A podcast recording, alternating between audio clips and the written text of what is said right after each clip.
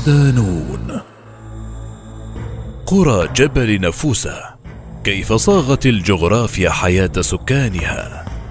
مقال لعائد عميرة ضمن ملف قرى معلقة. في شمال غرب ليبيا حيث جبل نفوس أو ما يطلق عليه أيضا الجبل الغربي تتناثر العديد من القرى حول مصادر المياه. خاصة الوديان قرى جبلية معلقة وادعة ضاربة في أعماق التاريخ شاهدة على حضارة قوية تكسر حاجز الزمن وتحلق بزائريها في أعماق الماضي العريق. لترسم لوحة فنية تسحر كل ناظر إليها وتأسر كل عقل سمع عنها.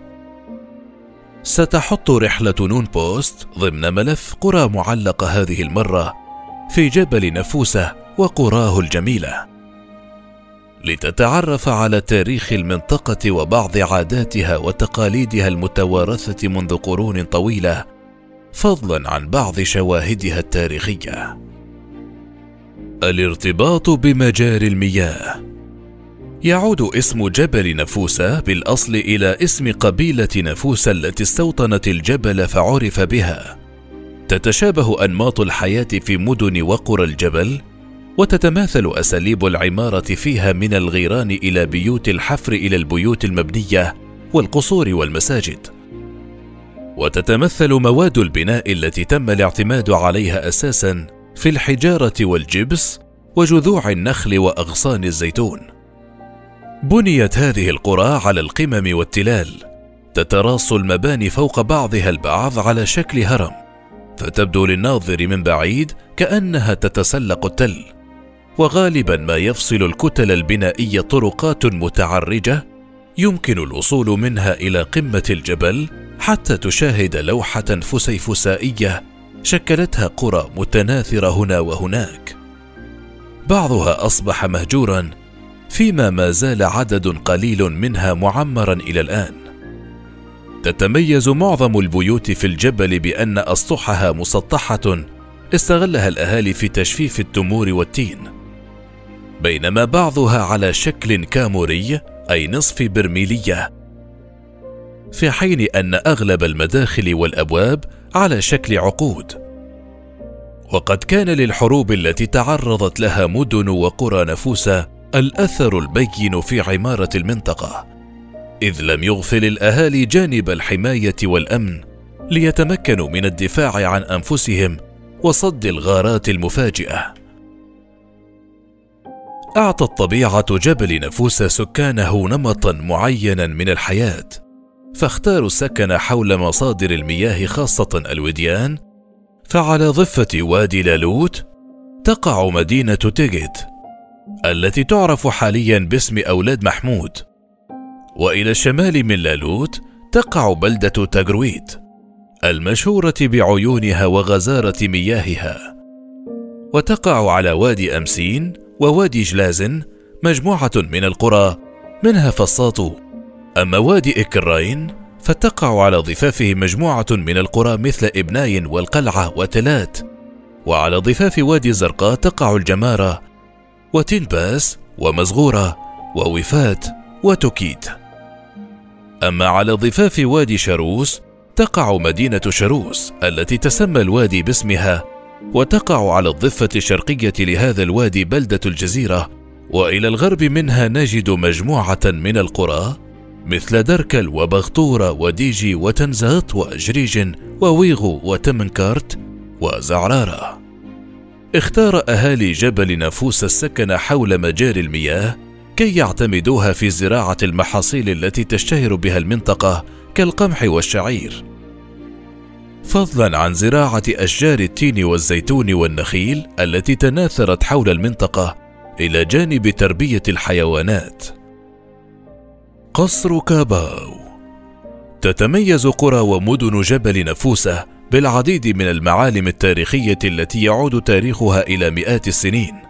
من أجمل هذه المعالم التي ما زالت شاهدة على حضارة نفوسه قصر كاباو الذي يزيد عمره على الفي سنة تقريبا وهو عبارة عن مبنى دائري قطره من الداخل نحو عشرين مترا وارتفاعه ثمانية عشر متر وارتفاعه ثمانية عشر مترا تقريبا يتخلله فناء فسيح. جاء تشكل مدينة كاباوا الأثرية نتيجة لهجرات السكان الأمازيغ الذين نزحوا من المدن المتناثرة على سفوح جبال المنطقة المحيطة بها خلال القرنين الخامس والسادس بسبب التهديدات الأمنية التي شهدتها تلك المناطق. فسعى الناس وراء إيجاد مكان أكثر أمانا جعلهم يتكتلون داخل مدينة واحدة. اشتهر القصر الذي يتربع على أحد قمم جبل نفوس بالغرب الليبي بروعة تصاميمه وجمال معماره ما جعله واحدا من أجمل الكنوز الأثرية في ليبيا وليس في نفوس فقط إذ زاوج بين البساطة والحرفية مشكلا لوحة فنية جميلة. يتكون القصر من ستة طوابق علوية إضافة إلى طابقين تحت الأرض ويضم نحو 360 غرفة لتخزين المنتجات الزراعية من زيت وتمر وتين وقمح وشعير. ولغرفة القصر هندسة خاصة تراعي شروط حفظ المحاصيل الزراعية والحيوانية لمدة طويلة كما تفضي الغرف إلى بعضها بواسطة سلسلة من الأعمدة الخشبية المغروسة في الحائط الذي يمثل الجبس أحد أهم موارده. كان هذا القصر عبارة عن سوق كبير يجتمع فيه الأهالي لبيع البضائع المحلية والقادمة من الخارج، خاصة من جنوب الصحراء. كما كان له دور مهم في الدفاع عن المدينة والتصدي للهجمات، سواء القادمة من الشرق أم الغرب. لصعود الطوابق العليا من القصر والتنقل بين الحجرات، يتم وضع أغصان أشجار صغيرة وهي الطريقة الوحيدة لوضع البضائع هناك أي أن الأهالي كانوا يعتمدون على التسلق ولا وجود لسلالم تربط بين طوابق المبنى. لم يتم بناء القصر خلال فترة واحدة، فقد تم الأمر على مراحل عدة. في البداية تم الاقتصار على الطوابق السفلية، ومع الوقت وازدياد حاجة أهالي الجبل لأماكن أكثر لتخزين الأغذية، تم زيادة عدد الطوابق لتصل في النهاية إلى ستة. لكل عائلة من سكان كاباو غرفة خاصة بها، وتعود فكرة بناء القصر إلى كون الأهالي قديما كانوا يخرجون في مواسم الزراعة وحراثة الأرض خارج البلاد. لذلك كانوا في حاجة إلى أماكن آمنة لحفظ ممتلكاتهم الثمينة فيها وتكفي البضائع الموجودة في الغرفة مؤونة سنة كاملة للعائلة. يتوسط القصر مسجد صغير، وهو عبارة عن مصلى يتم استخدامه عند وجود الأهالي في القصر للتجارة. ويثبت هذا المسجد مدى تعلق سكان جبل نفوس بالدين الإسلامي، إذ عرف عنهم تدينهم وتعلقهم الشديد بتعاليم الإسلام. كما كانت ساحة القصر أيضا بمثابة منتدى ثقافي واجتماعي، حيث تقام فيها أمسيات لتداول الشعر والقصص. أما الجانب الاجتماعي، ففي باب القصر كان هناك طبل له نغمتين واحدة للحرب وواحدة للسلم. عندما يسمع الأهالي نغمة الحرب يتوجهون مباشرة للقصر، أما نغمة السلم فتكون عادة للاحتفال. عادات وتقاليد. ترتدي نساء قرى جبل نفوس ما يسمى بالحولي وهو زي تقليدي يتكون من قطعة قماش مستطيلة تحيط بجسد المرأة. يصنع الحولي يدويا ويتأرجح لونه بين البنفسجي الداكن وتدرجاته ويحمل في تفاصيله تراث المنطقة فيما يلبس الرجال الوزرة الذي يلف على النصف السفلي من الجسم وهو شبيه بالفوطة. ويعتمد سكان المنطقة على صوف الحيوانات لحياكة ملابسهم ويمكن أن تستعمل النساء أيضا وبر الإبل لحياكة الحول. يحبذ أهالي نفوس التزين بالفضة وحتى في الاواني التي يأكلون فيها فهم يحبذون معدن الفضة على باقي المعادن.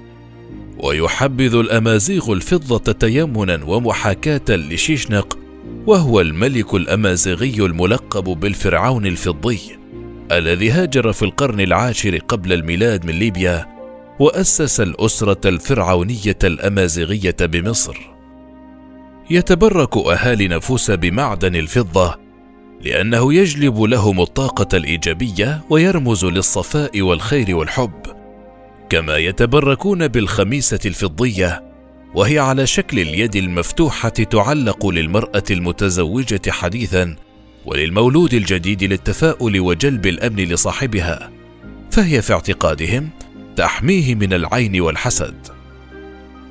أما الأكلة الرئيسية لأهالي جبل نفوسة فهي الكسكسي إذ لا تكاد تخلو مائدة في المنطقة منه. وغالبا ما يتم تقديمه في آنية فخارية كبيرة تسمى القصعة أو التبسي من أجل حفظ حرارته أطول فترة ممكنة. ويتم إعداده من طحين القمح أو الذرة في شكل حبيبات صغيرة ويتناول بالملاعق أو باليد بطريقة التغميس كما يطبخ بالبخار ثم يضاف إليه الخضار والمرق واللحم أو الحليب حسب الأذواق. كما تشتهر المنطقة بأكلة البازين أو العيش وهي وجبة ذات شكل مميز مكونة من دقيق الشعير في معظم الأحيان والمرق واللحوم الحمراء ويفضل تناولها في فصل الشتاء لأنها تساعد على تدفئة الجسم وكذلك في المناسبات الكبيرة وخاصة في الأعراس حيث تخصص وجبة كاملة ورئيسية للبازين وأغلب الرجال يطلبونها ويقبلون عليها في مثل هذه المناسبات. ومن العادات المتوارثة إلى الآن في جبل نفوسة أن النساء يخرجن في يوم رأس السنة الأمازيغية من أجل جمع الأعشاب والنباتات وتعليقها على أسقف منازلهن أو رميها على الأسطح ويعتقدون أن هذه العملية ستجلب للسكان عاما وفيرا بالمحاصيل الزراعية. يصر سكان نفوس على المحافظة على هذه العادات والتقاليد المتوارثة أبا عن جد اعتزازا بها وتاكيدا على قوة حضارتهم التي تناهز آلاف السنين وخوفا عليها من الاندثار خاصة في ظل التغييرات التي تشهدها ليبيا والتهميش الممارس ضدهم من السلطات المتعاقبة على حكم البلاد.